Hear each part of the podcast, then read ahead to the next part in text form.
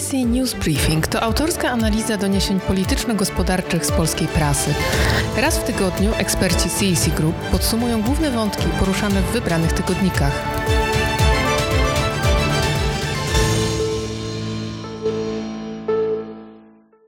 Dzień dobry, z tej strony Marek Kotlarski, CEC Group. Witam na e, kolejnym przeglądzie tygodników. Jednak wobec wydarzeń minionej nocy wszystkie inne zdarzenia i komentarze bledną. Rosja rozpoczęła operację militarną przeciw Ukrainie. Faktem stało się to, o czym jeszcze spekulatywnie pisano we wszystkich tygodnikach e, w ostatnim czasie. Był to temat tygodnia w tygodniku sieci. Konrad Kołodziejski w swoim tekście pisał jeszcze, że już 16 lutego świat spodziewał się e, rosyjskiej agresji na Ukrainę, co się jednak nie wydarzyło, a wręcz pojawiały się doniesienia o wycofywaniu części wojsk z nadgranicy.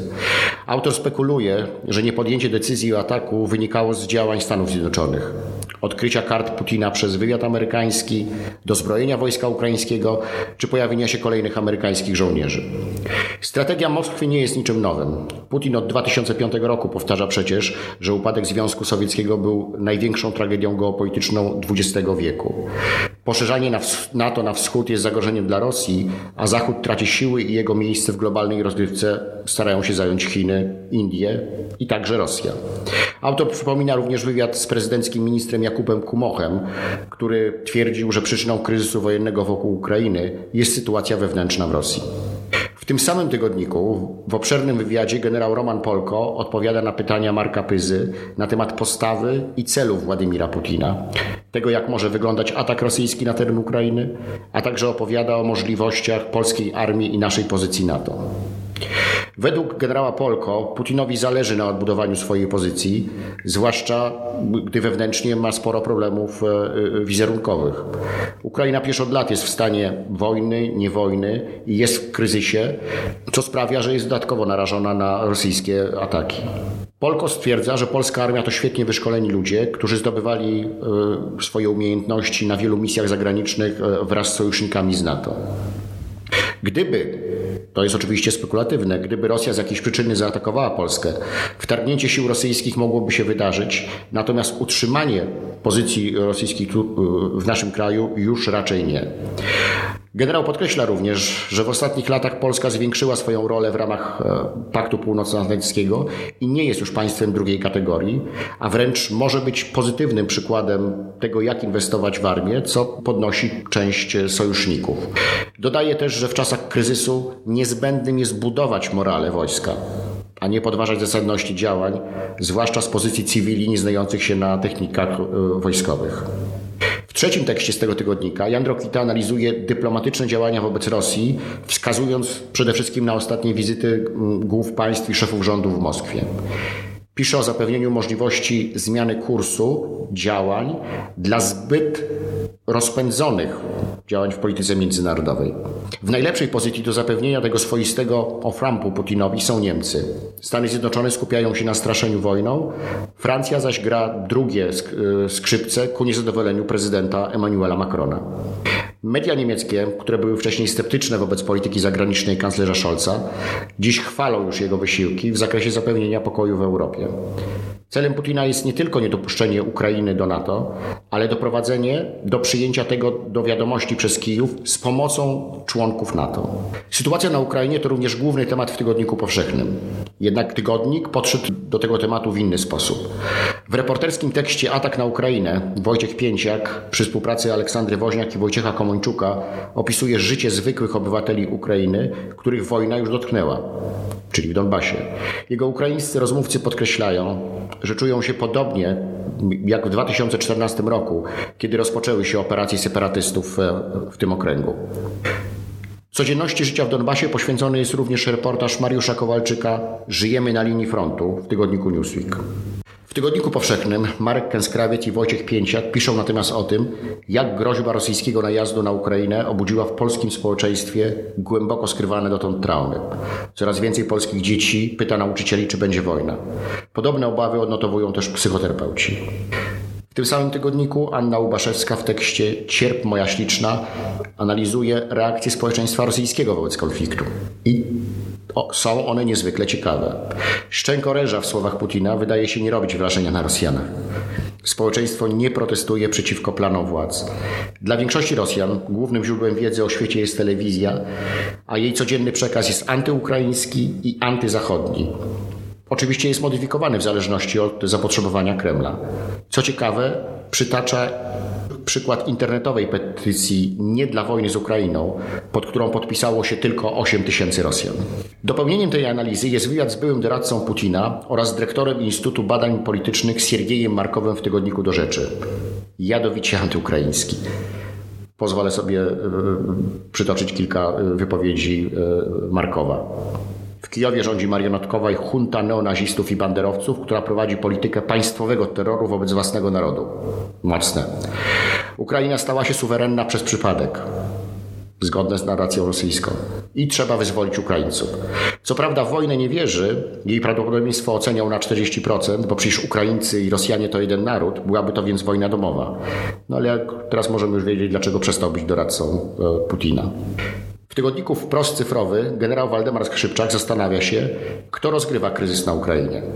Jego zdaniem eksperci są podzieleni w sprawie konfliktu zbrojnego, ale większość skłania się ku tezie, że konflikt między Rosją i Ukrainą zostanie jednak rozstrzygnięty militarnie. Racja. Chiny oskarżają Stany Zjednoczone o eskalowanie napięcia i uznają prawo Rosji do decydowania o swojej przyszłości bez obecności NATO przy jej granicach. Można by rzec, że o losie Ukrainy decyduje Pekin. Misją Rosji jest odwrócenie uwagi Stanów Zjednoczonych od Indo-Pacyfiku, regionu rywalizacji Chin i Stanów Zjednoczonych, ze sporem o Tajwan w tle. Putin może próbować osiągnąć swoje cele, ale raczej nie uzyska zgody Pekinu na wojnę globalną, gdyż ta zagroziłaby ich ekonomicznej ekspansji. W Gazecie Polskim znajdziemy artykuł Piotra Grochmalskiego, a więc wojna.